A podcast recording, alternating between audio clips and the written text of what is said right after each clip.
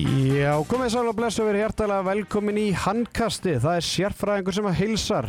Engin sofa sérfræðingurinn, nei, hinn eini sanni sérfræðingurinn. Íslenska landslið gerði góða ferði í lögadalinn í, í dag og unnu góða nýjumarka sigur á tjekkum sem þýðir það að við erum konið með betri innbyrðis stöðu gegn tjekkunum en það er ennþá tvei leikir eftir af riðlinum.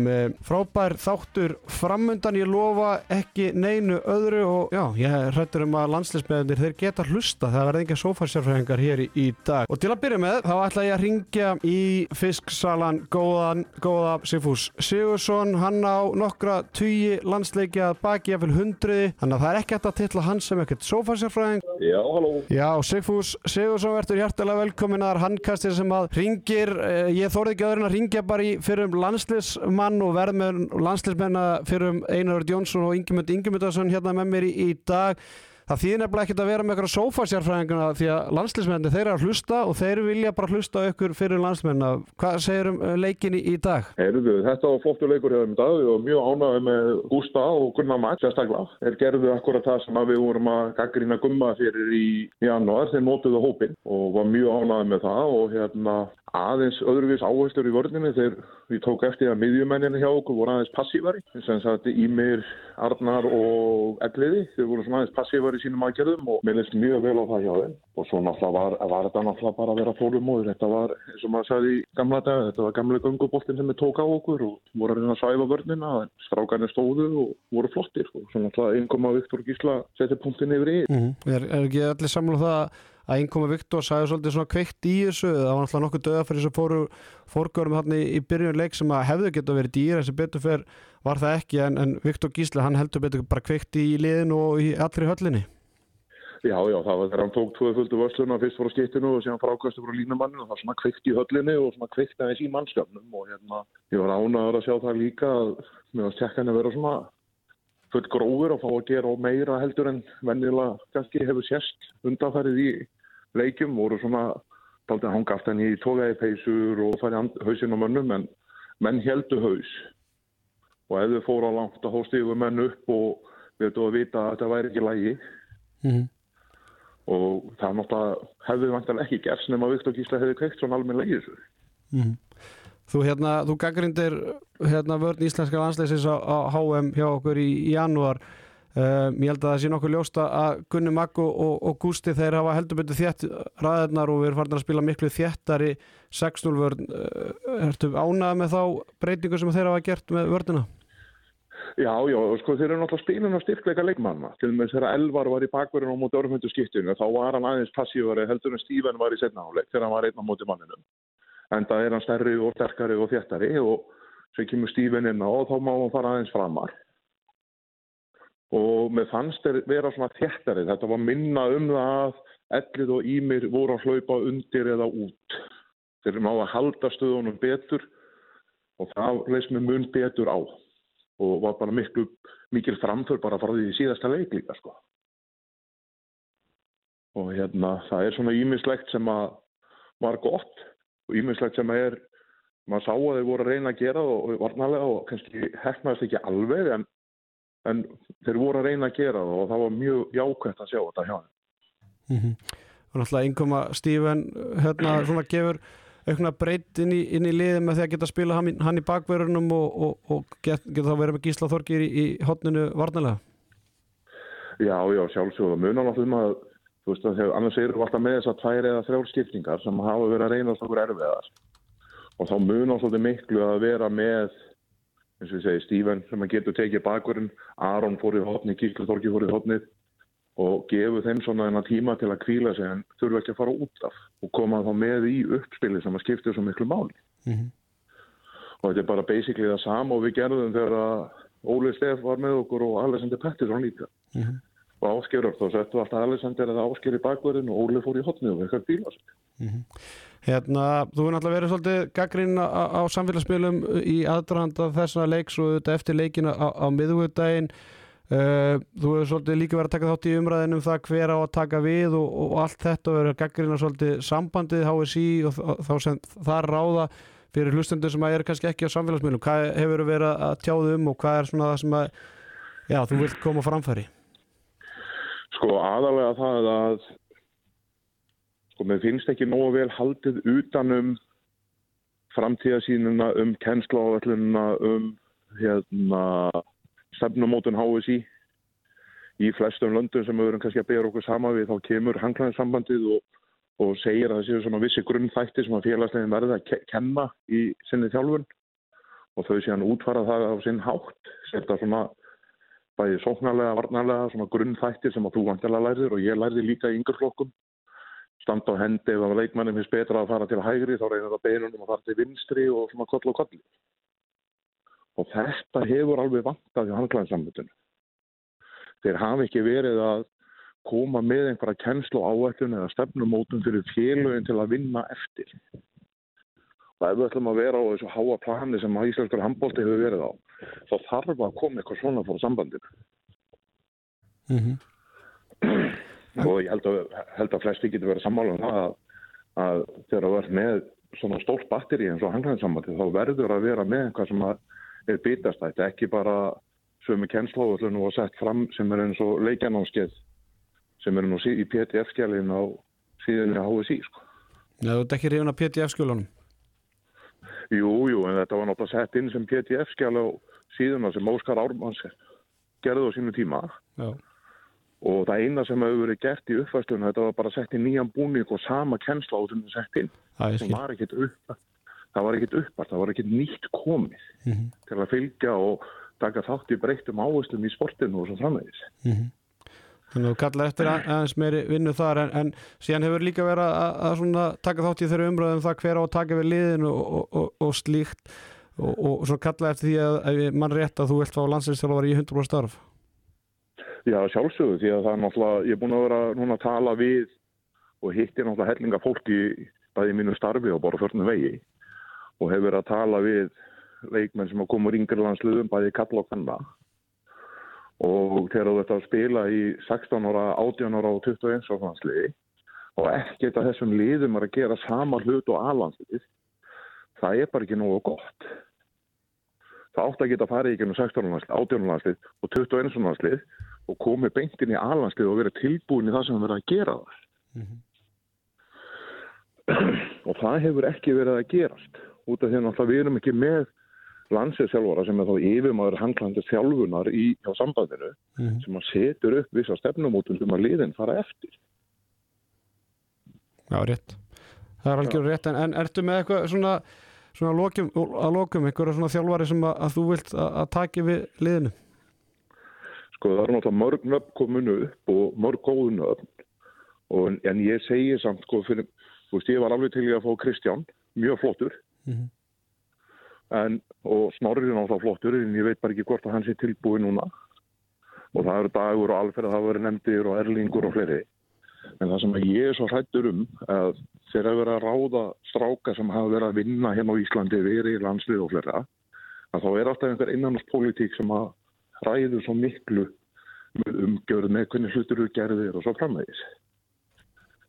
Þannig að ef við fáum einhvern erlenda þjálfara og þá setur hann bara línunum og það farið eftir alveg laus við alla pólitík. Þú trættur um það að segja að Snorri Stett taki við hver, hver sem er sem hefur kringur landslið að hann fá ekki að gera það sem hann vil trættur um að styggja við menn, mönnir sem að stjórna Já, eða þá mennin sem að stjórna hann fótinn fyrir dyrna og stólinn fyrir dyrna þannig að þá að gera það sem hann vil gera. Mm -hmm. það er meira það sko. Mm -hmm. því að náttúrulega erlendu þjálfari hann kemur bara sem er náttúrulega kannski eftir svo til í starfi hann kemur og ef það er að setja hann stólinn fyrir dyrna þá sem það bara er allt í leið þá fyrir bara að vinna annar stað og þá vita menn hvað randamóli likur Já, rétt, rétt. Herðu, Sigfúr Sigursson, takk ég alveg fyrir að taka upp uh, tólið að og uh, já, við verðum bara í bandi í næsta landsliðskluga Yes sir, bara áfram Ísland, frábæð sigur. Segjum það, takk Yes sir. Segð það bæ. Já, það er alltaf gaman að heyri í fúsa en uh, til mín eru komnir tveir góðir gestir, engir sofasjárfræðingar ég bara þorði ekki öðru. Ég þorði ekki að fá okkar sofasjárfræðinga því að ég held að þetta væri bara svona eitthvað smá skemmtið þáttur það sem áttuður bara smá umræðum um handbólta en, en þegar landsliðsmiðarnir eru farinir að hlusta og, og, og farinir að reyna að stýra umræðinni þá bara varði ég að ringja í Já, myndin mafjuna, svo kalla, alla fyrir tvo, tvo landsleis hérna, leikmenn þá Ingemund Kristján Ingemundarsson og Einar Örd Jónsson, hjertalega velkonni báða tveir. Takk fyrir það, takk fyrir. Herðu, Dindi, þú er nú kannski ekki verið mikið í umræðinni bara frá því þú hættir. bara, Ertu hættur? ne, eh, nei, reyndar ekki Hvað er það að gera? Ég, hvað, var það handbóltanir? Já, Sko, ég er nú bara, er stefnan bara komin í að kynslu á þannig Ég er bara í yngri flokkaþjálunni Lavalsega Akademíunni? Í, ma- í valsmafíðinni, já. Er Já, þannig að fyrir hlustendur þá er yngjumyndur að þjálfa yngri flokka hjá, hjá Val og, og hefur aðeins verið að spila með ungmennarliðinu eða ekki? Þú ert svona að fara hringin fann að spila með ungmennarliðinu aftur. Já, heimir er, er hérna þrjóskur. Já, Hann hérna, ef við náða að tóa með tvistar hérna á parketti í, hérna vetur en ekki það að það hafi skilað eitthvað miklu held ég. Meirum það síðar Einar, þú náttúrulega að lýsa þessum leik á þann og, og hérna gerði það með eh, stælenda algjör handbólta hérna lýsandi, þú ert ekki fótbólta lýsandi en okkur, þú ert bara handbólta lýsandi Mér skilst það, ég Já. las það einhverstaðar og höfum það bara þannig, við erum ekkert að breyta því. Herðu strákar, ég verða að byrja þáttinn á þessum svakala pisli sem að Björgur Páll hent út í korsbósin þremtíðum fyrir leik og, og hérna, ég ætla bara að taka þetta svolítið eins og þetta séu skilabóð til mín því að það er nánast all, allt sem hann nefnir þarna er komið úr smiði sérfræðingsins og hérna bara valsmafían fyrirlegin engin leiðtói það er náttúrulega Henry Birgir, skemmtu eplin leikmenn, já ég ætla bara að lesa þetta. Valsmafían fyrirlegin engin leiðtói skemmtu eplin, leikmenn að móka undan þjálfara landslismenn að byggja vini að senda fjölmjöla, manni en að gæsarlappa skilaboð.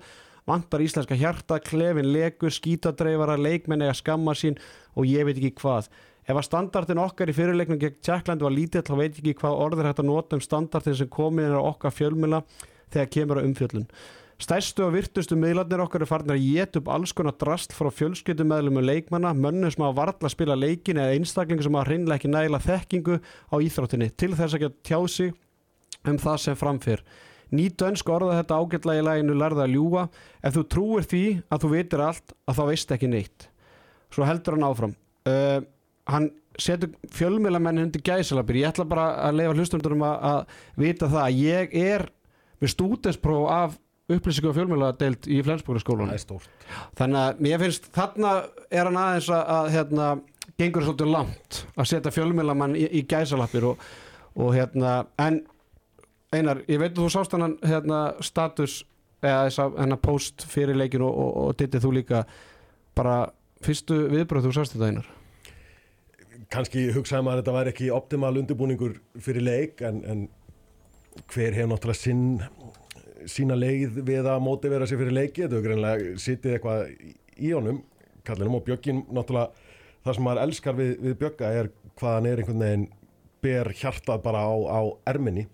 Og ég held að þetta sé bara svolítið svoleiðis, þetta bara lág eitthvað á honum og hann vildi bara koma þessu frá sér fyrir, fyrir leik. Ég hefði ekki gert svona sjálfur en þú veist, ég, menn undir svo búa sér bara fyrir leiki eins og, eins og þeim finnst best og hann greinlega taldi þetta að vera bara fína leið til að til að peppa sér í leikin einhvern veginn að koma þessu, koma þessu frá sér. Ég held nefnilega að þetta kemur ekkit á óvart endilega þú veist, frá Bjögga. Þú veist, Ég held nefnilega að hann þetta, hefði bara hann- vilja þú veist, bara reynsa hugun og fara all-in bara með, þú veist, ég held að þetta var svona pínum bara svona katharsis bara já, bara losa sér við þetta Losa sig og við svo þetta. bara pff, game time. Burtu með þetta og svo bara í, í, Þetta, þetta, þetta gekk samt ekki upp hjá hann að hann fann sér síðan ekki í leiknum sjálfum. Nei, menn og það getur náttúrulega gæst, það var frábæri fyrir leiknum. Já, og, Og- þá var hendan ekki í status sko þannig að kannski Nei, hann nei, átti bara meina, halda þú veist, er náttúrulega bara mjög opin, opin persóna og hefur reglulega sett mjög opna og, og opinberandi hluti á, á samfélagsmiðluna á, á síðust árum.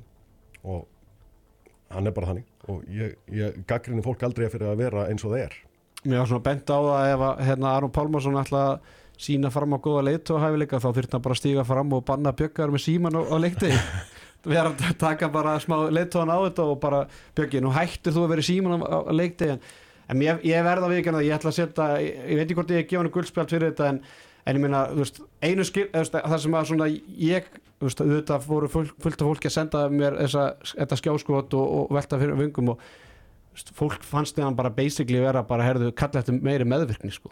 Eða skilur mig, þú veist, að þegar að ég meina, þú veist, valsmafjan er náttúrulega bara grín, skilur mig, þú veist og, og ég veit ekki hvort að það sé að fara í rosalega tögun og hann hafi mist af umræðinni hvernig val, valsmafjan var til.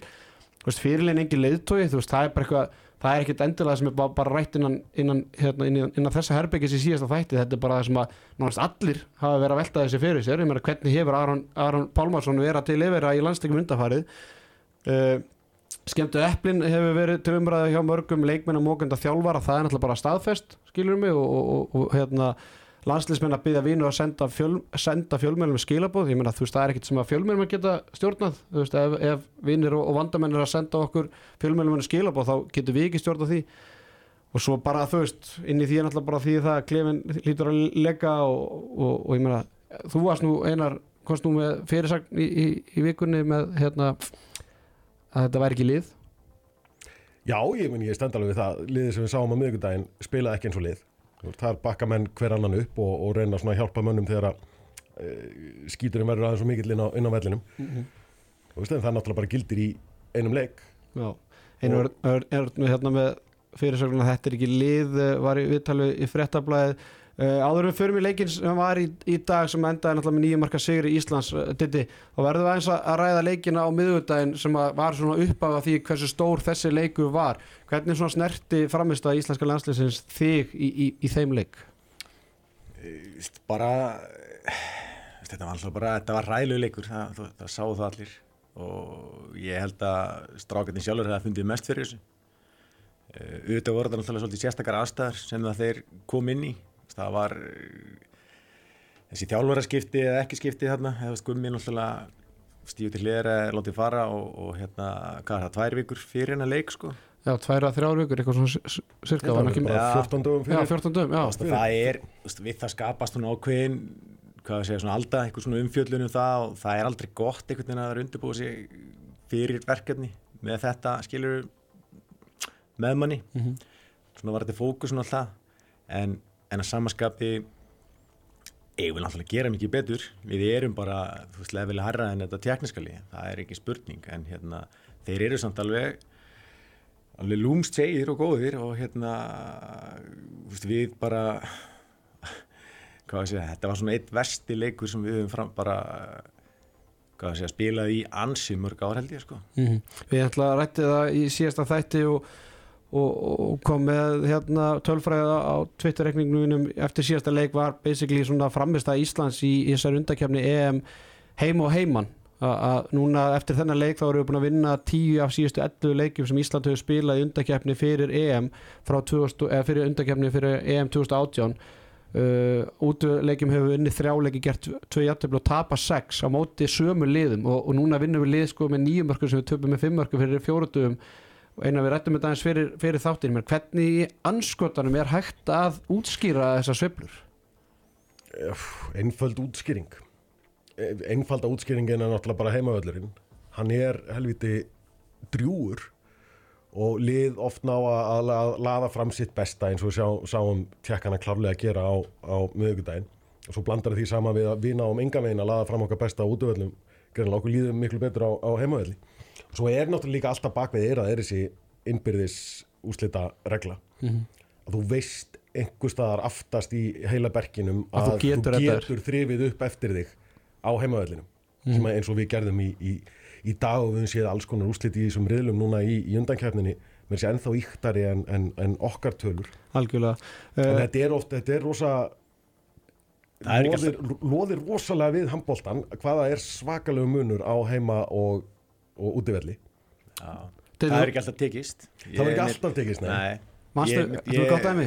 Nei, það er yfirvægt upp fyrir mér hérna, ég hitti mitt Gunni Mag var mættur hérna á fyrstu vakt bara klokkan átta í kórin í gærmorgu sko. Við vorum með fyrsta leik hérna. Lanast í stjólarinn mættur. En hérna vorum myndið að ræða þetta saman og það þú eins og bara Makedóni einvið eftir að við tríum okkur inn á kvalikið hérna 2008 Já. Töpum held ég með átta úti og vinnum svo bara með sjö hérna ef maður rétt sko. Það er 15 marka sig það er 15 marka sveifla þar sko. tveimur leikjum á stuttum tímabil og sömu ég leikmenn er og, ekki bara fjóri dagar á millið eitthvað bara eins og er alltaf. En, en þú tókst eldri þátt í undakeppni svona riðilega eins og einar nefndi við mig fyrir þáttir þarna var þetta alltaf bara hérna útsláttakefni þetta var þetta umspilið var, þetta var hámumspil Já. En tókst þú ekkert þátt í svona riðli, undakeppnis riðli við landsliðinu?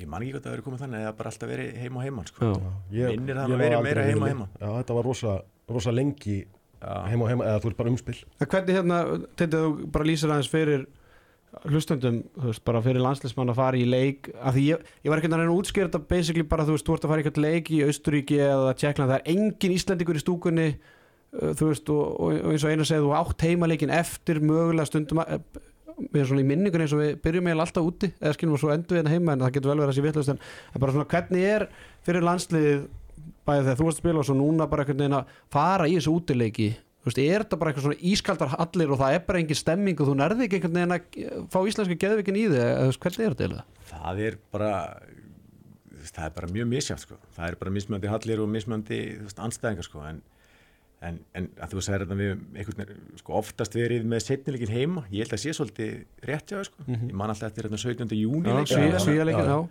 allt það sko en þú veist, og náttúrulega menn eru kannski þegar við vorum að, eða þegar ég var þá var þetta yfirlt sko kannski eftir tímabili, kannski langt tímabil menn, þú veist, fara beint sem sagt þá frá þar sem þú voru að spila fara svo í þetta verkefni og koma svo heim þá er einhvern veginn bara endinæris maður alltaf svolítið, komast bara til, þú veist, það er vinur og fjölskyldar, koma heim bara til Íslands höllin, þú veist, hún er geggjuð í dag, hún er geggjuð þó hún sé kannski ekki lögleg Já, við, megum ekki vannmeta þessa höll sko. það er stór hluti Það af er sveiflunni í þessum leikjum í gegnum tíðina hjá Íslandi algjörlega sko. er þessi lögadalsöll sko.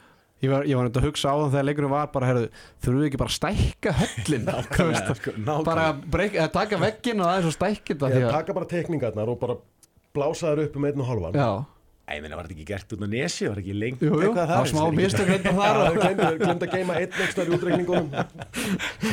Herðu, strákaðar Ísland vann Tjekkland á 28-20 eh, 28-19 eftir að 15-12 yfir í, í háluleik uh, 5-5 eftir 10 mínútur og, og síðan komist við hann 11-8 yfir eftir 20 mínútur leik og leiðum í háluleik 15-12 uh, rættum það á hana að Björgun Páll byrjaði í markinu fann sig enga veginn um eitt vanni bolta 11% markvæslan síðan kemur alltaf Viktor Gísli eins og ég tölum við Sigfús áðan. Hann svona kveikir svolítið í þessu innar Ég heldur betur. Og byrjaði á að verja fyrsta skotið sem er alltaf rosa, ro- rosa gott fyrir markmennina blessaða, þeir þurfa alltaf eitthvað svona pínu. Og svo eftir að mér þetta fyrsta skot þá kemur tvöföld markvæsla í næstu, næstu sókn, við skotið frá miðumannum, línumannum tekur frákastið hann vera aftur það kveikir einhvern veginn svona endanlega hann að neista, maður byrjaði að kveikna á undan hjá strákunum. Og Gamla þetta góða exit gamla góða exit, ég meina þú veist það virkar og hann, veist, hann er 2-0-2 eða eitthvað á hæð og með langa fætur og langar hendur. Get grína að fá svona ferlíka mótið sér sko. en það kveikti svo rosalega í höllinni líka. Og í restin af liðinu. Mm. það var svona að byrja þetta mjalla þó þetta hafi tek, tekið ótrúlega langan tíma að ná að hrista það af sér. Kannski að þeir fengu líka alltaf að spila bara í 40 sekundur að horfa út í lofti að þeir fóru að gera Já, náttúrulega já, og þér leittist ekkit að, minnast á það í lýsingunni sko. Ég þóli ekki þegar dómar veginn í það að leifa þetta. Nei, það það er rétt. Við skorum 17 mörg í fyrirleiknum en skorum 15 mörg í, í fyrirháleikum eins og segi, leiðum 15-12 Ditti, þú náttúrulega er svona varnarsérfræðingur, frábær sóknarmar á, á sínu tíma en, en hérna það er breytingur á, á, á vördinni frá því að, að Gummi, Gummi var með liðið það að Gunni Magga Gústi hafa svona ákveða að þétta eins ræðirnar og, og eru þá miklu frekar með bara jafnvel Akri sem var tvist eins og Stífin hefur kannski verið í svona þín skoðuna og svona þín tilfinning á þessum, þessum varnarleiki sem báðan leikjum, það er ekki að kvartu við vördin í þessum báðan leikjum. Nei, hún var í rauninni bara mjög flott úti og Björki mjög flottu líka baka og úst úti. Og ég er alveg sammálega þegar það er eins og að það hefur lagt upp með að, að hérna, vera aðeins aftar. En mér finnst það samanskapið, mér finnst bara vinslan og holningin á vörninni í báðanleikjunum uh, þú veist, mér finnst þið bara vera að vinna meira. Þeir eru að gera þessa, þessi litlu veist, það er bara það, veist, stíga niður þó að boltin sé yfir og veist, það skapar ákveðin svona meiri massi á bakvið þá þegar þrýstættin þurfa svo jafnvel að stíga eitthvað út og fara frá. Það stýttir að hjálpa yfir með línumannin og þú veist, það er svona meiri hreyfing og vinsla Mhm. við vorum svona, jú, við spiljum áttalega eða svona upp og niður kapla þarna í janúar með varnarleikin sko en, en hérna uh, ég er alveg veist, það er, maður merkir það alveg að það hefur gert eitthvað. Mhm. eða allan að hvort sem komur þjálfurinn eða leikmennum sjálfum bara þannig peppaður eða eitthvað það, ég það að, er svo auka skref sko. ég held að, þú veist, ég hef margóft talað um hér að já, ég dæmi ekki Arna Frey út frá því hvernig að spila með landsliðinu út af því að það er bara nokkuð ljóskvæðni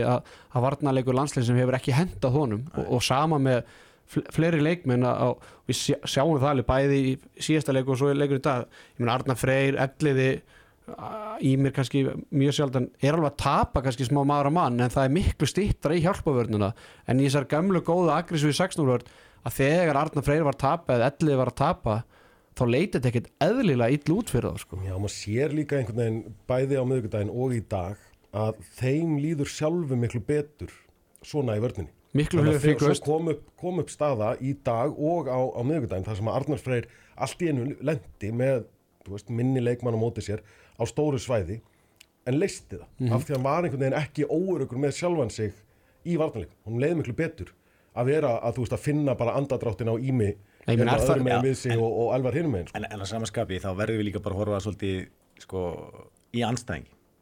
Það er ekki þannig að þetta hefði hendað á móti liði kannski með öblur í skitt. Einhverju sko. svona skilji. Þannig að, en þetta allavega sko, svín virkaði og þeir voru bara ógislega flottir þarna á móti þessu tjekniskali í báðu leikunum, varnarlega sko. innkoma Stífen tópar í, í vörnina náttúrulega margir svona kalla eftir því að ég man þegar Stefán Rapp var kallar í landslið þú veist þá var að tala um að hann geti spila bakur í vörn svo hann var aldrei nýttur í, sem bakur í vörn núna loksins hérna fáum við eitthvað tóttum sem að getur þá einmitt kvílt miðjumann til að spila þá vinstur hotmann þannig að við getum keirt upp setna tempoð setni bylgjan ekkert frábær hvorki í dag en í, í, fyrirleiknum en, en þetta er alltaf svona hægt að byggja vona þetta að, að þannig eru við komið hotnamann sem, getur, spila vörn basically eins og Ásker Örn og Hallgrífs og Alessandur Pettersson á, á sínum tíma. Þetta er mikilvægt að vera með hotnamann sem geta að spila eða list þess að bakvarstöðu Já, hann er bara og gera líka svona vel. Hann er úkislega góður í þessari stöðu hann er nöytsterkur og fljótur og hann líka sko, hún finnst þetta svo gaman. Ég smast að hann berða með sér sko, hann, hún finnst ógislega gaman að spila vörð sem er bara, þú veist það er mjög upplugt element að hafa. Og svona alltaf ösku fljótu fram þó að kannski ekki skila sér haflum í dag en hann á eftir að, eftir að nýtast hérna landslinu þarna alveg gríðilega vel held ég sko. Já. sérstaklega líka, þú veist, ef við erum að fara veist, aðeins aftar með vörnin þá skiptir svo miklu að hafa bakverði sem geta þá aðeins sko, þjappa pakkan þú veist, skipturnar inn á miðina það sem við erum þá þjættari sko. Uh, Gísli Þorger, einar kom mörgum á orð að hann alltaf náðu sér ekki almeðlega á strik eða bara enga veginn á strik í, í síðasta leik. Bara sennilega eins og allir aðri sóknar leikmenn Íslands en, en hann var alltaf hann upp á tegnum í, í dag. Já, byrjaði samt ítla í dag, klikka á tömur döðafærum sem er, sem er óvunlegt en var allavega að komast í færin. Og ég rætta þess við, við hérna, Gústa Jó fyrir, fyrir leikin og það var svona eitt af því sem þeir ætlaði að gera í, í dag var að reyna að fá gísla í árásir upp úr flæðinu. Að hann var ekki alltaf að byrja árásirnar drippland út á velli eins og var svolítið meira út í, í fyrirleiknum í Tjekklandi það var svona miklu meira högt á liðinu og hann byrjaði bara einhver staðar og tjekkandi þjættu núna kom einhver reyfing frá Viggo, frá Aroni koma hann að stöðu skipti Kæró sko, eiginlega aldrei, þeir spiluðu bara nokkru sinnum í leiknum, en Gísli var alltaf að gera árásir á varnamenn sem voru á hreyfingu og höfðu minni tíma til að bregðast við. Og þá náttúrulega tætir hann svona gæja í sig, en það var mjög óeðlilegt að sjá hann á, á miðugudaginn, af því að tjekkanir einhvern veginn náðu bara að tvímenna á hann og náðu ekki að skila boltanum frá sér heldur, svo gekk það líka betur í dag að þegar þeir tvímenn á hann eða, eða voru fleiri, að þá náðu hann að skila boltanum betur frá sér í dag. það er svo þau skilabóð ekki alveg náð, náð til, til hans og bara til leikmanna að þú veist að ég meina, í, í, fyrirleiknum í vikunni strákar Ég meina við vorum bara allan þann leik vorum við ekki bara hálfu skrefi, heldur bara heilu skrefi á eftir í öllu sem við vorum að gera sóknarlega. Það var bara frekar þægilegt fyrir tjekkana að eiga við sóknarleikin hjá okkur síðast. Og það er bara, það eru svo fínar, fínar margínur í þessu að bara, þú veist, hálft skrefi viðbót og reyfing sem er byrjuð á hálfu skrefi og varnamaðurinn hálfu skrefi og eftir getur bara munað öllu. þetta er líka bara, þú veist, þetta er ekkit eins og ég sagði á hann, þetta er bara ekkit, þetta er ekkit einfalt verkefni og margirinn eru mjög litlar þú veist, það er bara, þeir eru að fara þarna þú veist, þeir eru, hvað fengur einn og hálfan dag eða eitthvað saman fyrir leikina Já. Já. Þú veist, það er ekki neitt, það er kannski bara þú veist, að búum að vera svona olga og umfjöldum eitthvað svona þú veist, í kringu lið og þeir hérna, þú veist, bara já, bara, náðu ekki að performa fjallu bara svolítið þar, sko ga- Fínt að þú minnist á þetta þetta, að því að við erum kannski að fá því inn svona með nýja röttin í, inn í um, umræðina mikil olga í kringu liðið og allt það, þú veist, brottkvarf gumma gum eftir HM komið þeir þetta á óvart? Þessi tímapunktur, já. Ég, þú veist, maður hérna, ég, ef að þessu, sem sagt, ef að hann hefði hætti eða látið fara, ég held að bjóst ekki við það fyrir inn í vor sko. af því það var ekki gert á strax. Mhm.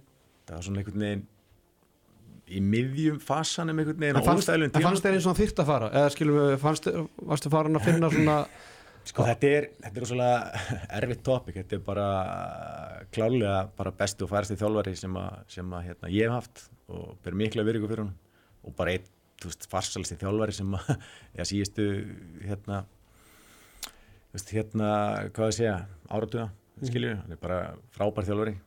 Ég er ekkert með púlsi nákvæmlega eða puttana nákvæmlega hvað, hvað er búið að ganga á. Þetta, það er rosalega erfitt að stíga inn í þetta og, og fara með rétt mál. En hérna en það var alveg svona ljóst að eitthvað þurft að gera.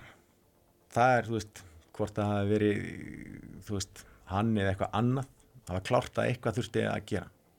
Og þetta var gríðlega bara nýðist en, en það verður hérna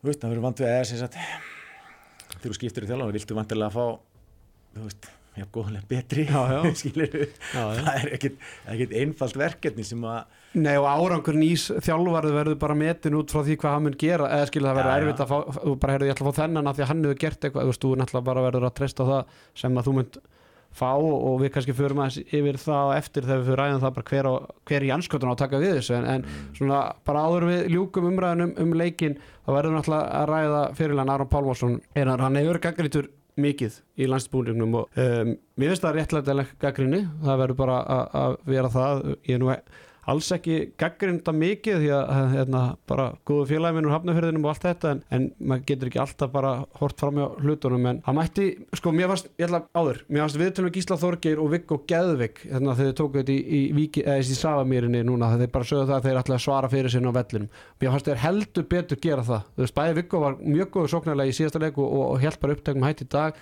Gísla Þorgeir náttúrulega gjössalega frábær í þessu, ekki þessi frábær, hann bara á góður skilum að getur ennþá betri en mér fannst þeir svarið sákvæmlega mér fannst svona Aron hann fór í að- pikka og pota tilbaka skilum óhana með um, umræðina og það svona skipt ekki máli eftir að sá hver var að segja þetta sem var basically Henry Birgi var ekki, ekki ég en, en hérna hann var svona tilbúin að hérna, pota tilbaka og, og allt það. Hann átti engan stjórnuleik í dag hann var ágætur skilur mig veist að það er kannski ekki endal alltaf að horfa bara tíu mörg tíu skot veist hann, hann, veist, hann var miklu betri í dag heldur í, í, í leiknum á, á, á miðjudaginu en veist við, við verð, enn og aftur við verðum að fara að hætta að býða eftir að hann eigi tíu marka leik og, og, bara stjórnu fyrirsagnir er, er það ekki bara staðan eða? Jú, ég meina, þú veist auðvitað, Ég held að við höfum rætt þetta áður einar bara hér, sko. alltaf Já. að hann taki tíu marka leikin ásleis Mér varst Aron í dag, hann tók svolítið mikilvægu skotin og, og oft erfiðu skotin Þú veist, þegar sók, sóknum var komin í einhver svona öngstræti og höndi var kannski komin upp þau duttu ekki alveg fyrir áleik en í setni áleik duttu þessi skot. Og hann var að skora eiginlega mikilvægastu mörkin okkar í setni áleik mikilvæg tímapunktur við þurfum þeir voru búin að skora þrjú í röða okkur og höndin var komin upp og eitthvað. Þá tjakkaði Aron sig inn með mark. Þannig að mér varst að var ekki líka hans sem var með sendinguna hann á elliðar sem ok, elliðar er að klúra en, hérna, veist, það var flott sending veist, þetta voru svona fyrirlega moment sem að Aron var að gera sína hluti í leiknum á Já, ég er nefnilega, þú veist, hvað hvað er leitói? Er það bara leitói sem að, þú veist, er hann bara leitói að því að hann skora tímörk? Nei, en, en enn og aftur þá hafa vinur og vanda með landslismanna að vera að senda með skilum þannig að það sem ég er að segja í þessu þætti er ekki bara eitthvað bullshit, skilum það er ekki bara eitthvað sem ég vakna bara mótnan og ég ætla bara að rauna yfir Aron eða segja eitthvað, þetta er bara basically, Bjöggi segir í statusinu í dag að hann kallar eftir standard skilum mig, þú veist það sem að ég heyri, það reyni að fá bara staðfest annarkvæmst frá landslismanni eða einhver í kringu bara til að fá herri, ég heyrði þetta frá tveimur þremur, þá get ég varpað þessu út. Og, og hérna það hafa ekki góða sögu farið af Aron Pálmarsson innan klefa landslisins og ekki bara núna, heldur bara svona undanfarn ára og, og ég meina, það getur vel verið að- ég ætla á þess að staðfesta er, veist, er Aron einn af þeim sem að vildu gumma gum burt? Þú veist, það voru leikmenn sem vildu gumma gum burt. Það er bara nokkur daginn staðan skilur, annars hefði gummi ekki verið reikin alveg svo svona velti fyrir með tímasendingunni ég ennu aftur, ég er búin að segja þetta áður. HSI ætlaði ekki að reka gumma gum eftir hóð skilur, en eftir samtöl við leikmenn við hérna landslisnefndi funda og svona þá bara urður að gera það. Ég er ekki að byggja um Aron að skori tíu mörg og allt þetta en bara svona, nummer 1, 2 og 3 hefur bara framist aðeins inn á vellinum ekki verið góð með íslenska landsliðinu. Og ég var með, þetta að googla hann aðeins í dag veist og, og þá var held ég eftir inn í einhver stórmóti held ég 2018 þar sem hann var góður og sagði veist það mátti ekki, eða það eitthvað, ég get ekki átt þrjá lélega leiki í röð skilur, þá, það var strax umræðan 2018 þá hafði hann greinlega átt tvo landsleiki í röð og átti þá góðan leikum hvort það var á móti, ég man ekki sem móti hverjum. Horfir bara á söguna, þú veist, tölfræðina. Aron hefur ekki verið góður með landsliðinu. Er þetta þú veist, Já, já og nei, hann hefur átt góða leiki, mjög góða leiki og vann Dani, þú veist, fyrir okkur og fleira, hefur átt fullt alveg helling af góðum, góðum leikjum. En við náttúrulega kannski, kannski gerum líka ofsalega kröfur. Það var tölfræði, það var tölfræði núna að HM hversu mörg stórmót Aron hefur klárað síðustu tíu ár Já, ég meina Aron náttúrulega bara eh, hefur svolítið meðist Já, sem er, veist, eða lendi áflugum uh, niður í bæ eða dranda Já, ég móts og svona já, fekk svo höfuðhögg í Katar skilur sem, að- sem að tóka hann út úr því móti. Og þú veist, ég ætla ekki að fara að skamma leikmann fyrir að meðast það getur gerst. Nei, nei, en, en það er ekki skamman, ég er bara að Nei, segja já. hann hefur ekki verið, hann hefur ekki verið sá leikmann landsliðinu sem að við vorum að búast við. hann hefur ekki náð Hann hefur heilu stórmóti hjá okkur sko, í svolítið tíma. Já, ég- hann, hann hefur kannski líka verið notaður veist. Svolítið mikið. Já, já, Eitthvað sem er óvanur einmitt. Þá er ekkit óeðlilegt að það komi kannski ykkur meðslið skilju Þegar þeirra líður á móti. Hann er ég- ég- að detta út bara Ég eitthvað öðru ég leik, ætla ekki að dæma hann út frá því hvernig ætti að nota hann. Ég dæma hann út fyrir framistöðu því Já, hvernig hann hefur verið notaður og, og í, ég meina hefur fundist Aron hafa til yfir með landsliðinu undan fara nára? Þú veist, bæði og bara skilju Nei.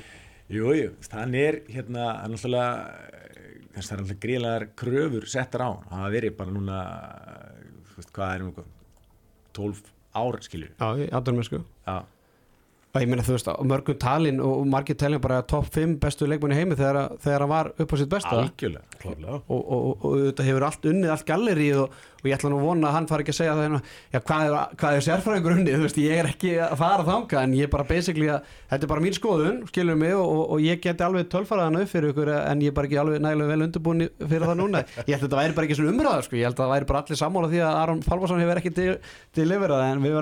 það inni síðastrákar uh, næsta topikstrákar, hver á að taka við þessu landslíði, Diddi? hver á að taka við íslenska landslíðinu? úr einu léttmetinu í annað með shit. Já. Sko, ég veist, ég hef alveg heyrt að tekið eftir umræðinu að svona vera ykkur er að fara að segja að ég kom bara útlingur. Þú veist, fá einhvern erlendan aðalega, einhvern nýjan inn svona hafa gert Bótan, Bótanskólan Já, þú veist, það var, það var gert hérna með Lars í fótboltanum og var að vitna svolítið í það eitthvað, vegnaði vel. Craig Pedersen í, í í hérna hverjunni sko uh, ég er ekkert alveg endilega sammála því þú veist, að það sé ykkur töfralist það komið það, það þarf þá að vera alveg það þarf svolítið að vera svolítið sniðin inn í okkar okkar sko veist, við erum kannski ekki alveg að spila veist, íslenska landslið hefur ekki verið að spila beint, sam, hvað við segja svona, þannig taktískan handbólta eins og þessar stórþjóður hafa verið að gera. Ég er ekki þessum finnir endilega svo auðvitað eitthvað þjálfara sem að er sniðin fyrir, fyrir strákan okkar sko og mér finnst við eiga bara frábæra kandida hérna heima sko. En það er líka spurning hvort það sé rétta tímasetningi fyrir þá sko. Mhm. Hvað, hvaða kandidat er það að tala um? ég, mér finnst til dæmis bara, ég þannig ekki að horfa á landni hann bara nýra á hlýðarenda sko. Snorri er búin að vera uh, þú veist já, hann er svona búin að breyta ákveðni handbóltunum heima.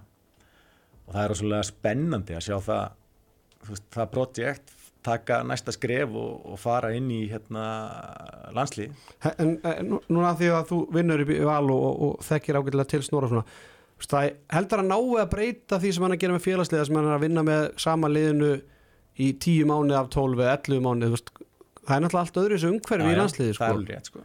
sko næra hann einhvern veginn að breyta þessu þar sem hann er kannski fær tvær æfingar og leikur eða eins og þeir lendi núna fyrir tjekkleikin úti það er ein, ein æfingu og leikur, hann er ekki að vinna með þá þú veist, að, að því að hann hvað, hvað vil hann gera, hann spila, vil spila hraðan leik skilum við, en talandum að spila Arni Pálmarsson í vittlust, þú fær ekki láta Aron Pálmarsson hlaupa í 45 minútur sko.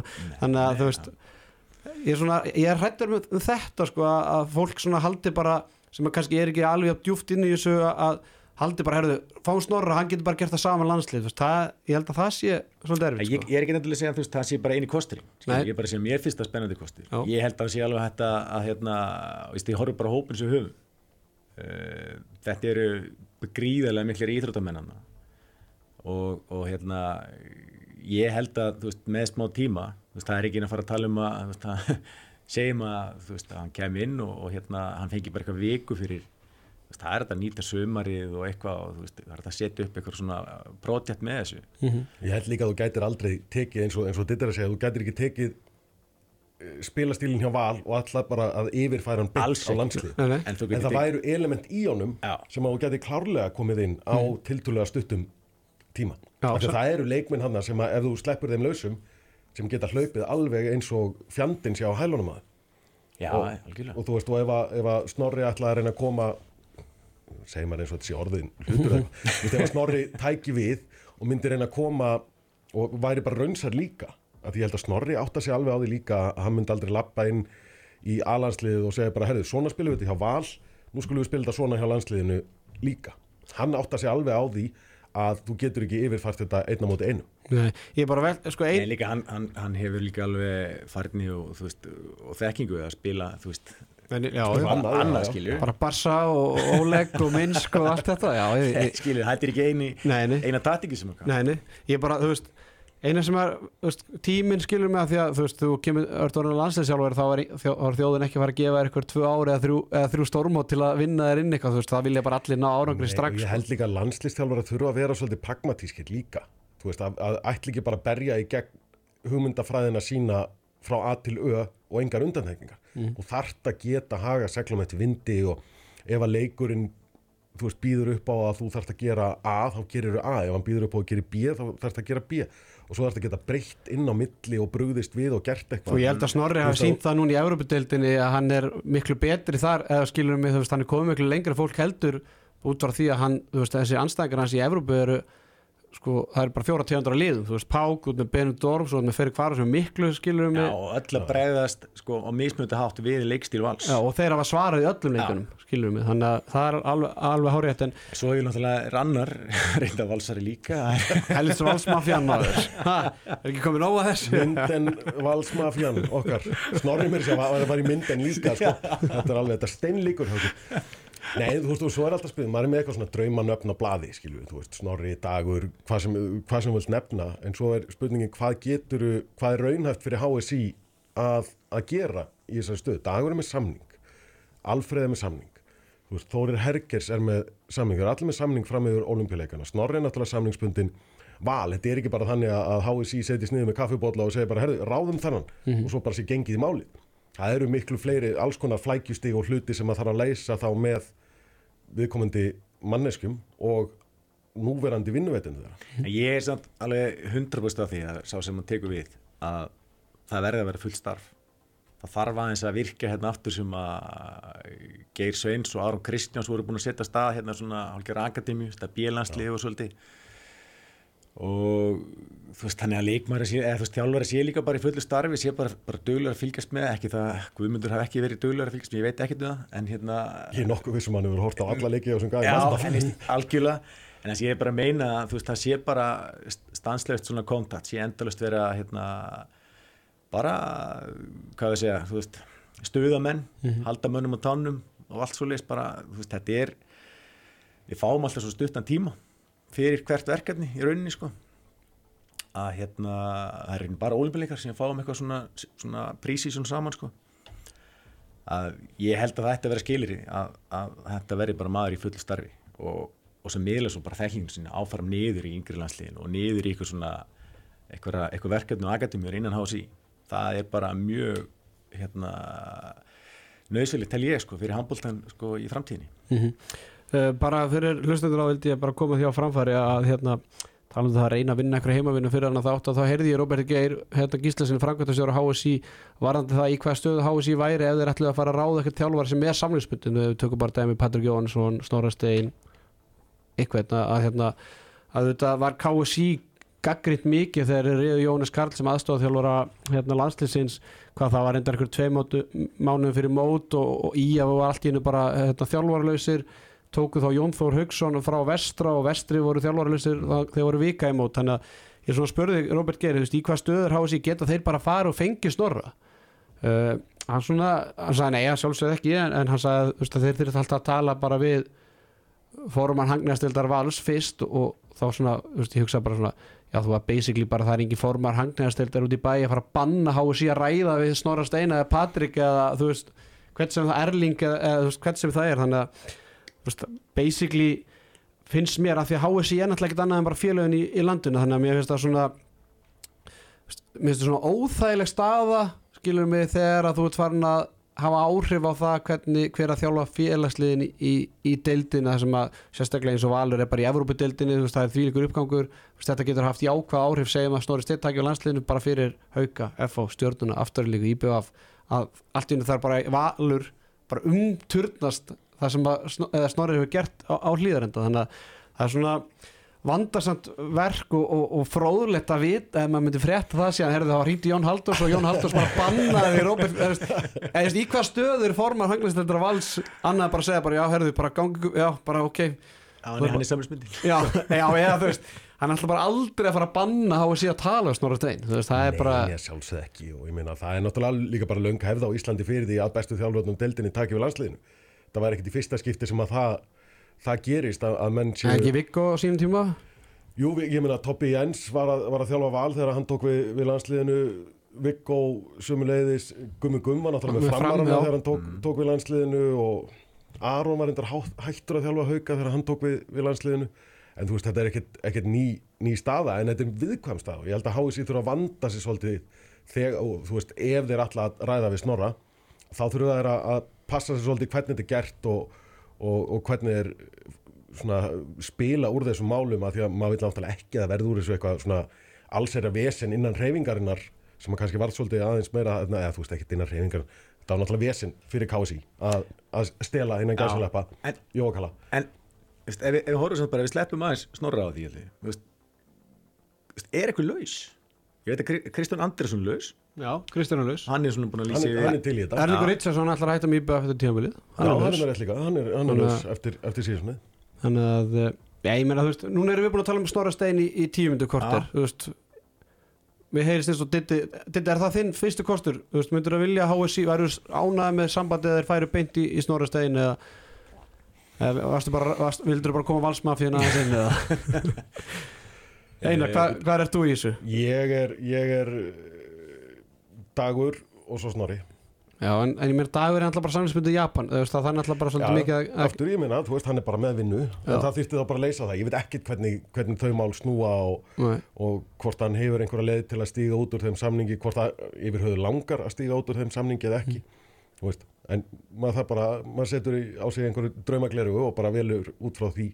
Svo verður bara komið ljós hvað er raunhæft og hvað HSI næra að, að, en, en, en að klóra út úr þessu. En ertu, þegar, menn, ta- þegar þú talar um Snorra Stein ertu að tala um Snorra Stein út frá hvað hann hefur gert hjá Val núna eða ertu líka svolítið að tengja þeim þú varst að tala um að hann kann, veist, hann hefur búin að vera í landsli í, í fleiri, fleiri ár ertu að líka svolítið með það í huga veist, að hann veit alveg í, hvað hann er að stíga? Veist, að, það að fá kannski Kristján Andersson eða Erling veist, þeir hafa kannski ekki verið mikið í landslis um, umhverfinu skilur mig, Kristján náttúrulega var með svíjana í, í fjögur að ár ég er að tala um hérna heima kannski, þú veist, þekkir það kannski minna hérna, hérna heiminn, hann fylgist mjög vel Af því að með þið öllu heyrðu sem er hvað, að Sigfúr Sigursson Sigfúr Sigursson er hrættur um að fá eitthvað sem að er of tengdur þessu skilur mig að því að Já, þá já. er hann hrættur um að þetta hjóli mun ekki fara að snúast eins og, og, og fólk vil ég menna menn eða Snorri Steinn maður rétti maðurinn í það að vera full, í fullu starfi og fara um, eða að hafa áhrif á yngri landsliðin eða þú veist, hann er alltaf bara gríðalega metnafullur á það sem hann er að gera skilur, það er ekkert allir sem að hafa áhuga á því að vita hvað U17 er að gera eða U18 eða U19 eða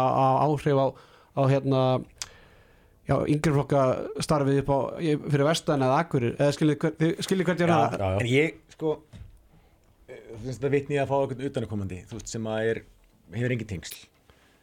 Við, við erum samt sko hérna, við hefum farið ansi langt bara svolítið á veist, þessari hvað hefur kallið einu sinni, þetta íslensku geðvikinu eitthvað svona, Mhm. þú veist, svona svolítið sér engin okkar, við erum svona þurfum að vinna meira, hafa meira fyrir hlutunum og þú veist, við erum bara svolítið þannig uh, ég er bara hrættur um að það kemur einhver þú veist, eh, hvað ég segja, einhver hérna Spanjóli? Já, einhver hérna, að við glötum svolítið þessum sérenkinu sem að við höfum farið svo langt með Mm. eða skilu hefur skilað okkur svo langt að ég við þurfum að halda þeim inni innan, þú veist, innan linsins held ég og það er eitthvað svona sem held ég að skapist með svona ákveðni tengingu skilur, að það sé ekki algjört rófatn á milli og sé bara einhver hérna Það er spurning hvort, ef- segjum einhver spanjóli kemi þú veist, hvort hann væri þá með íslenskan aðstofmann eða þú veist, hann myndi, myndi vilja, já. ég held að ég held að það sé það hefur ekki alltaf vegna, minna, ungverðinu voru með Dutsef var það ekki hérna Jú, við Það vorum gerir með Sabati hérna sem var að Já. þjálfa, Já, já. er að þjálfa tjekkana núna. Skilja ekkert eitthvað frábæri veist, það er ekki alltaf törulistin skilur En eina sem, eina sem ég velti fyrir mér og, og vil koma svolítið á framfæri að það eru miklu fleiri þjálfarar en ég veit ekki hvort að þið haldið en allavega margir halda sem er að þjálfa félagslið og landslið því að ég held að HM núna í, í, í janúar það voru rúmlega tíu þjálfarar á HM sem eru bæðið með félagslið. Þannig að það er svona önnu, önnu pæling á aðalandsliðstjálfarin að vera að vinna þessa vinnu sem við vorum að tala um áðan varandi U19, U20 eða eitthvað eða á þetta að vera bara starf Gunnar Max sem er afreikstjóri, íþróttastjóri HSI skilur mig, þú veist, það er svona ég meina Sabati, hann er með um, lið, þú veist Kirill Lazarov uh, þú veist, já, það er eða tölur fleiri, þú veist, hérna, þjálfar Ungverja og, og Króat og Horvat sem var hann er með tvö lið og þannig að það er svona ég var ekki allt brjálátt Makedóni eftir Jú, HM. jú, Já, jú, þú veist, jú, ég meina, er ekki hérna jú, jú, það er, er náttúrulega aldrei hérna lokkmála í, í Makedóníu Nei, en, en fyrst ef við nefnum Spánveri líka, skilju, Garcia Parondo var náttúrulega sá sem var nefndur. Já, hann mögulegur með kandidat. Hann var með Egiptana og Melsungen já, og ef hann, hann var ekkert fara að hætta með Melsungen þá var hann var að taka Ísland, sko. en maður svona velti, þú veist svona baku tjöldi vinnan á það að vera í höndum landslistjálfaran, skilur mig það sem að hann er kannski þarf að poti ykkur hérna, ykkur viðkvæm málefni innan, innan félagina hérna, þá geta bara fengið ykkur að menna á móti sér eða veist, á hann ekki bara að einbytta sér að því að vera í sambandi við sína leikmenn, Liðið, jú. já, kannski Jú, U21 árs landslismenn á þessi bílanslið, ég skil það. En ég, veist, það sem að, ég meina Aron Kristjánsson, hann var hann var svolítið, komið svolítið langt niður eða skilur mig, hann var í, hann var basically bara í skrifstofuvinnu hjá HSI og hérna, maður svona spyr sig, þú veist erum við ekki bara komnið þanga að aðlandslið það bara 100% að einbytta sér að því að vera bara að klippa alla leiki á, á sínum leikmennum úti og, og vera í sambandi og, og láta þess eða bara allt þetta sko þannig að og hlut, hluti af því er þá náttúrulega að vera þá að sinna bíliði eða uh, afreikshópið eða hvað sem við kalla og 20 og 21 árs Já. liðunum af því að það eru bara næstu gæjar. Akkurat. Skilu, og ég hugsa að það sé bara vel fullt jobb að vera í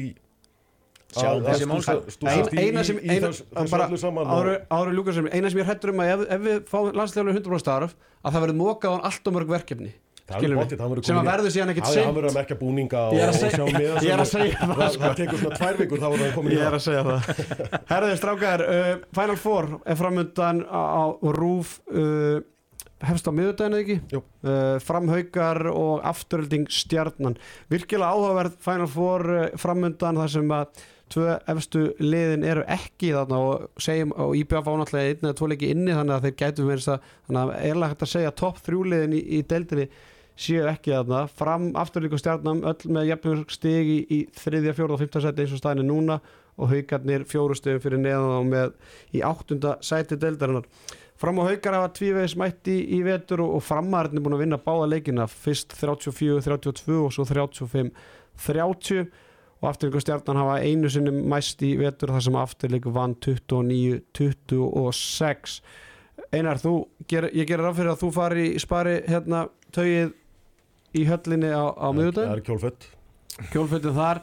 Uh, framhaukar uh, byrjum bara uh, ræðum þetta stuttlega. Framhaukar aðteglisvert að haugarnir alltaf ekki nýtt að haugarnir sem konir í Final Four en eru kannski undir svona öðrum hérna kringustæðum Já, það aðeins, verið eh, bara erfiðu vetur hjá þeim en svona, þú veist, þetta hefur nú aðeins legið upp á við núna á síðustu síðustu vikum, Aron Rapp komið tilbaka og þráinn mættur aftur inn í vörnina og hann hefur svona aðeins lifnað yfir þeim. Tjörfi sóknarlega Tjörfi komið náttúrulega inn líka sem er bara rosa reynsla og, og gæði þar.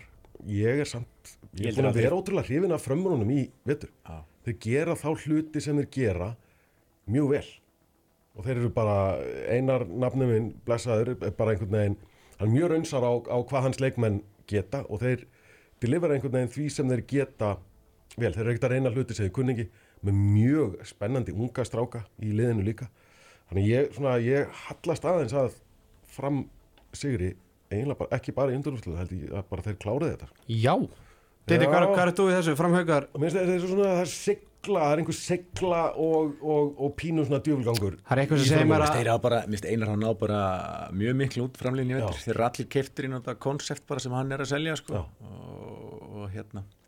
Og eru mjög efnilegir eða svona spennandi strákar einmitt að koma upp. Svona góð bland veginn. Uh, það nýttir hauka held ég að vera í Final Four í áttundasæti í deildinni sko. Uh, ég held að það hérna, ég hef ég hallast meira að hauka mig ég, ég held að þetta verði hérna þú veist, þeir hérna er gríðaleg sigur, sigur hefð þarna hjá haugunum og þeir sjá þarna tækifara að ná sér í, í dollu, ég held að þeir komi dýrivillis í raun leik og, og hérna þeir eru með flotta mannskap og veist, núna hefur Geiri fengið svolítið svona tíma með liðið í, í hérna. Já, komið vigni með sér Já, það er svona vera, Það er svona, það er eitthvað sem að segja mér það verði hérna, þú veist, hérna haukar, haukar, hérna. Ég, allan, ég held að þeir, þeir þetta ferður, þú veist 30-28 haukar, held ég. Ég held að bæði þessi leikur og svo leikur aftur í stjarnan, ég held að það sé ekkert vittlust að sem þið spáðist okkar, að, að það er eiginlega fáralegt að fara að spá fyrir um þetta. Mjög, já, núna, ef að Valur hefði verið í Final Four þá hefði ég alltaf sagt bara okkur Valur klárar þetta, já, já. ekkert mál. Já, og mögulega, þú veist, með IBF líka, já. að þeir hefði bara klárað þetta eða þeir væri að en þetta var mjög skemmtileg undanúslit og, og úslita leikurinn síðan, síðan líka, sko, stjarnan náttúrulega búin að fara einhverja erfiðustu leðbara sem þú nokkur tíma séð til að komast í þessu undanúslit að valsarðin alltaf þurft að fættir eiga á mjög erfiðum tíma þannig í desember þegar þeir voru í bullandi hérna, meðslum og, og klára það og fara svo í, í stjórnum stjórnum hvað tók FH eða? stjórnum mann FH Já, og svo val. í kriganum held ég. Og svo, svo, svo, svo val í, í, í mér við erum búin að taka 2003 eftir liðum út úr byggandum afturöld stjarnan Sind að henda því frá sér í undanúslutunum en ég, þú veist hvað, var, var Gunni Magd þá bara með alhanslið, sjönda kalla hjá Háka og svo afturöldingu líka í vikunni, það er bara búin að vera alls það það er bara brjála Gústi, Gústi Jóa með kvennarlið í gæra á móti hérna, sko. Afturöld stjarnaninnar 2015 ég ætla að ég ætla að segja stjarnan takki það en það verður naglbítur þetta verður mjög jafn og, og skemmtilega leikur. Gaman að sjá Þorstin Leo aftur, aftur klárun í slægin og, og hann gefur afturheldingu alveg, alveg helling. Ég held að, held að stjarnan landi þessu á einhverju svona þeirra möguleika líka á að gera eitthvað í, í vetur, ég held að sé aldrei að fara neitt rosalega langt í, í úrslættikefnin í deildinni. Þannig, og ég held að stjarnan er með goða leikmenn og klóka og reynda menn sem hafa farið í gegnum alls konar reynsunar eld á sínum ferli. Þannig ég ætla að segja stjarnan takk Adam kemur fers, ferskur inn úr þessum 21 árs leikum líka. Það er eitthvað sem er að ditta sig á ósamála þessu. Nei, mér veist sko er frábært að hérna, Fóstill Leo sé að veist, koma aftur, hann er svona ákveðin X-faktor fyrir afturhildíku, bara með síni hæð og svona hann breytir svolítið sóknarreikni fyrir hann. Uh, Ég ætla samt að vera sammála einar þannig, sko. ég, ég, ég held bara að tröfli svolítið undirbúningi fyrir afturhildíku þetta verkefni sem að Gunni var í núna. Mm. uh, þannig að ég, ég hallast að, að hérna, stjarnan. Hérna, líka þegar koma sko, hvað sé ég, þeir bara voru ég sá hvernig ég fögnuð, ég horfði á leikinu það var í hérna, stjörnheimlu og mótið val, þú veist, þeir ætla bara þú veist, það var svona spikar fílingur í. Ég hef trúið að stjarnan klári hérna þetta verkefni á móti afturhaldíku og ég heldur þetta að þeir klári svo bara innvíð. Já, það, þá, það er nú risastór skref í, í sögu stjórnunar að þeir klára þetta um, um næstu helgi því að tillarnir hafa nú ekki verið margiðar. En tillarnir sem hafa unnist hafa verið í byggjanum. Já, þannig að þetta er svo gætla byggalið. já, ég meina, jú, já, já, verður maður ekki að segja hvað, þrísvar unnit byggjarinn eða hvað, þrísvar eða fjórsunum. Unnur er þarna þegar að Títi Kalandatsi og Róland voruð. Já, pattin á því held ég að vinna með þeim sem, sem leikmaður, sko. Þannig að þeir voru allir, þeir patti voru að, voru að klára þetta. En sko, já, ég hérna ég, ef ég fæði að segja mínu skoðun þá er, er ég sammála að ditta með það. Ég held að haugandi taki hérna framarina en framarinn er svolítið byggalið fara allir undan úsliti, eða fara í úslitinu fyrra. Fara í úslitinu fyrra. Og tapa þannig að það mögulega geti hjálpað þeim svolítið þarna en, en þú veist, Sigur hefndi haugum hefur einhvað að segja þrátt fyrir að, en svo spurning hvort að áttundasettið sé en að geta bara rétt staða hjá haugunum með við leikmanna hérna, leikmannlistan en, en svo saman tíma þá held ég afturlega geti tekið stjórnuna þá er það held ég bara út af því að mér finnst bara stjórnan alltaf koksa á þegar að mest á reynir þú veist að þegar þeir eru ná einhverjum tvekja leikja rönni eða, eða slíkt eða geta komið sér í þriðasæti eða eitthvað svona þá bara koksa er þannig að og það er Það svona byggarkjöndin er svo mikið öðruvísi sko. Þetta er svo veist, það er einhvern veginn allt annað í húfi í, í, í bara, hverjum leik ég held bara án þess að ég held að sé bara tölur mikil pressa í garðabænum á að þeir ná í titti núna. Þú veist, það var strax bara umræðan í, í uppæði tíðanbils að stjarnan væri bara með eitt best mannaða liði í, í, hérna, í deildinni og þeir eru með frábært lið þegar allir eru heilir en og ég held að, veist, Tandri vilji þetta bara ekkert eðlilega mikið og Gunnar Steinn og, og, og Bjöggi Hólgeir skilum, hann er, hann er ekki ennþá í þessu bara, út, bara til að vera með, þú veist að ég held að, leik, ég held að á meðan að, að afturleik er svona freka með yngri leikmenn, svona, ég held að sé minni pressa í mósusbænum, þú veist, það er einhver tilfinning að leikmenn stjórnuna setji meiri pressu á sig fyrir þessa leiki og, og ég held að það geti haft áhrif en, en ég er sammála samt reynda, þetta, að það er ekki eiginleg staða fyrir Gunnar að vera ekki með liðinu núna í, í aðdraðanda Nei, alveg potið ekki sko. Ég, sko það sem ég heldur þetta að gæti unni gegn stjórnun er að þú veist, það er ekki hvað, fyrir svona allt í það vantar þess að kannski aðeins mér í kjarna af uppöldum þetta hérna, þú veist, hjartað með hjarta hérna, stjórnu merki sko. Það er- þetta eru flottir handbóltamenn flottan hóp uh, en þú veist, það er einhvern veginn svona það vantar þetta, ef þú ert komin hérna á parketti, það er hérna dolla í bóði þá einhvern veginn held ég að menn svona, það kveiki hans meiri munn. Þú ert aðeins að rifja upp hérna ír tíman á sínum tíma. Vissulega, hvert ekki Það sjálfsög Þannig er náttúrulega breyðstingur hann líka Það er vel tveir, þrýr Já, við, Bjöggi, Adam. Bjöggi Adam og Einar líka þarna á bekknum og Já, já, Einar Holgers, já, já. Þannig að Þess vegna svo, svo tveir alveg grjótarir úr þorpuna að norðan. Brynjar og, og Brynjar Þóru Tandri og Þóru Tandri Já, já. Náttúrulega og Haft svo og farin er nú og- grafarvóinum Já, Gunnar Steinn. Gunnar Steinn. Já. Herðu, það verður aðtiklislega að sjá hvernig þessi leiki þróast en ég, held að allir verði ekki sviknir af því að ég er alveg sammála því þess meina segir að, að það er frábært uh, einslega held að segja að hvorki IBF og, og Valur síðana því að ég held að annað þeirra liða hefði strauja þessa, hérna, þetta, þessa helgi en, en þarna er fjögur lið sem að, þú veist, ef við myndum stuðla þetta þá held ég að þetta væri bara 1,8 á náðastu öll liðin sko. það er bara, Þú veist, ég geti, þú getur spólað tilbaka upptökunum núna og ég geti talað nákvæmlega öfugt við Þa- það sem ég sagði áðan og ég var alveg af samfæður um að það var rétt Herru, talandu um framstrákar, það voru aðtilsverð tíðindi í gær tilkynnt að Rúna Kárásson var gengin í ræði fram og, og kemur til liðsins í sumar. Uh, hann var svona orðað við gróttu, hann var orðað við þá var tenging verið upp á gunna, orðað við val og síðan við fram, en ég held að þegar upp í staði var fram eina liði sem var bauðunum samning.